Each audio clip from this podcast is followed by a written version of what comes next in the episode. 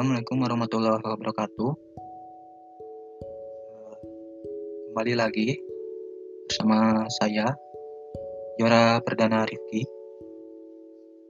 Eh, Kali ini saya akan eh, membahas materi ada dua yaitu para analisis data, lalu juga uji lanjut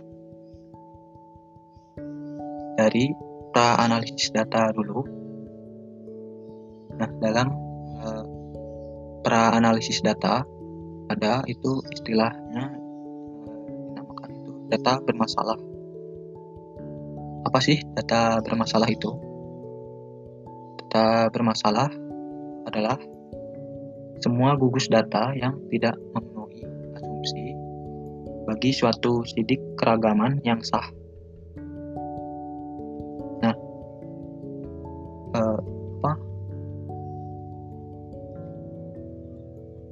Salah satu bentuk eh, data bermasalah itu, eh, di antaranya itu ada data hilang. Apa sih yang dimaksud data hilang itu? Data hilang itu eh, data yang keterangannya hilang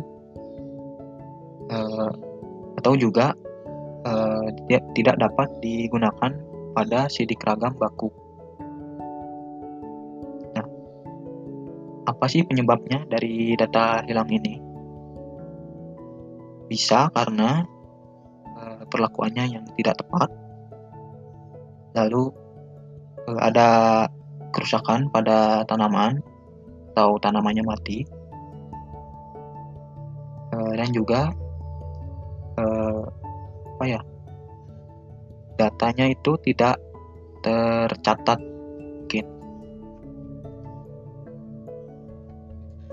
lalu di dalam eh, peranalisis data juga ada istilahnya itu eh, normalitas data. Data itu dapat diolah dengan tepat jika data tersebut menunjukkan sebaran yang normal oleh karena itu, sebelum diolah, data tersebut harus diuji normalitasnya. Uji normalitas it- data itu eh, dapat dilakukan eh, salah satu cara eh, yang mudahnya itu dengan menggunakan aplikasi SPSS. Eh, ya dengan apa? Merubah data yang diuji itu ke bentuk tabel eh, SPSS dan lalu di apa ya dianalisis di aplikasinya itu. Lalu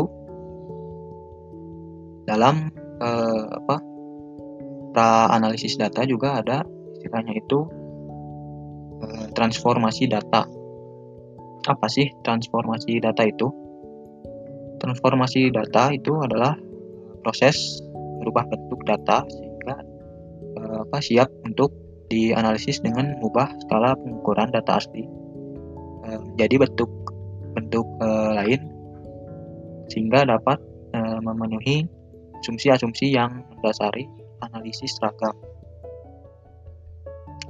Nah, trans- transformasi data ini eh, ada eh, macam-macam jenisnya. Yang pertama ada transformasi logaritma. Nah, untuk data seperti apa sih eh, transformasi logaritma ini digunakannya? Eh, untuk data dengan simpangan baku berbanding dengan rata-rata. Lalu untuk data dengan pengaruh tidak aditif atau kelipatan. Lalu untuk eh, apa rumusnya untuk data dengan nilai besar atau eh, apa nilai besar itu maksudnya eh, 10 atau eh, ke atasnya ada rumusnya itu xi sama dengan log x. Lalu untuk data yang nilainya kecil atau di bawah 10 itu rumusnya xi sama dengan log dalam kurung x tambah 1. Lalu eh, yang kedua itu ada transformasi akar kuadrat. Untuk data seperti apa sih transformasi akar kuadrat ini digunakan? Uh, yang pertama itu untuk data dengan uh, bilangan bulat yang kecil. Lalu data uh, dengan persentase apa dengan wilayah data antara 0 hingga 30 persen atau 70 hingga 100%. Lalu rumusnya untuk data dengan nilai besar atau 10 e, eh, ke atas itu rumusnya xi sama dengan akar x. Lalu untuk data dengan nilai kecil atau di bawah 10 xi sama dengan akar e, x tambah 0,5 Lalu yang terakhir ada eh, transformasi ArcSyn. Digunakannya untuk data dengan dengan uh, apa? Data uh, yang memiliki data pembandingan. Lalu data yang diperoleh dengan perhitungan. Uh, lalu data presentase dengan uh, ketentuannya itu adalah uh, apa tiga kalau misal 30 persen hingga 70 persen itu tidak perlu ditransformasi. Uh, lalu uh, 0 persen hingga 30 persen atau 70 hingga 100 persen itu uh, menggunakan transformasi akar kuadrat. Nah selain uh, aturan di atas itu digunakannya itu adalah transformasi Arcsin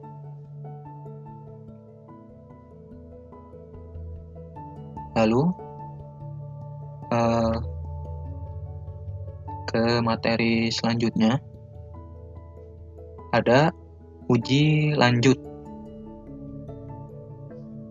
nah uji lanjut ini uh, merupakan konsekuensi atau uh, akibat yang harus di apa ya dilakukan jika analisis seragam itu uh, berpengaruh nyata atau signifikan terhadap respon yang diukur.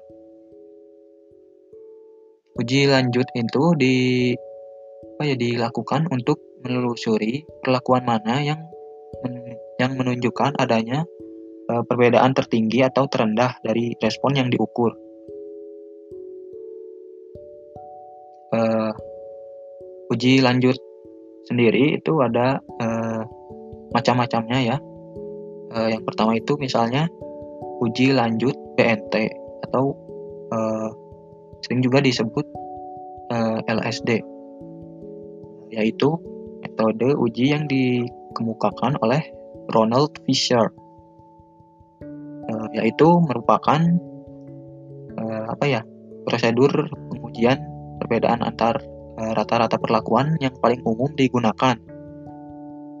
Untuk uh, menjalankan uji ini nilai yang diperlukannya itu adalah di antaranya ada eh, nilai kuadrat tengah galat atau KTG, lalu nilai taraf nyata, nilai derajat bebas galat, eh, dan juga tabel eh, T-student untuk eh, menentukan nilai kritis uji perbandingan. Nah, selanjutnya itu ada eh, jenisnya itu ada uh, uji lanjut Duncan atau uh, apa sering juga di ininya disebutnya DMRT yaitu metode apa metode uji yang dikemukakan oleh David B. Duncan. Itu merupakan prosedur pengujian untuk mengukur perbedaan spesifik antar uh, pasangan rata-rata. Uji apa uji Duncan ini dapat digunakan untuk menguji perbedaan antar uh, semua pasangan perlakuan yang mungkin uh, dan tanpa uh, apa memperhatikan jumlahnya apa jumlah per, jumlah perlakuannya. Lalu uh, ada uji lanjut Scott Knott. Uh, metode ini sesuai namanya dikemukakan oleh uh, ada dua orang yaitu uh, satu orang ini namanya Scott dan satu lagi uh, Knott. Nah, uh, metode uji ini uh, apa ya dibuat untuk uh, membuat memudahkan apa penafsiran terhadap pengujian nilai tengah uh, yang banyak.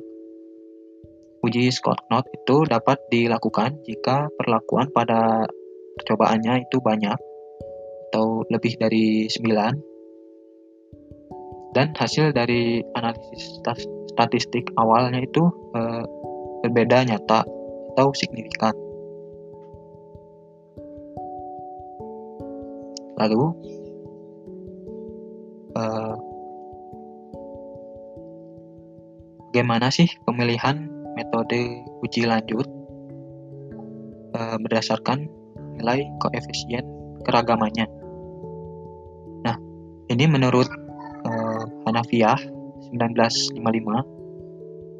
yang pertama jika uh, apa nilai koefisien keragamannya itu besar yang dimaksud besar itu minimal 10% pada kondisi homogen atau minimalnya itu 20% pada kondisi heterogen. Nah, pada kakak yang besar ini, eh, metode uji yang digunakannya itu uji lanjut Duncan. Karena eh, apa ya? Uji lanjut Duncan ini ujinya apa jenis merupakan jenis uji yang eh, paling teliti di antara eh, jenis-jenis uji lanjut uh, yang lainnya.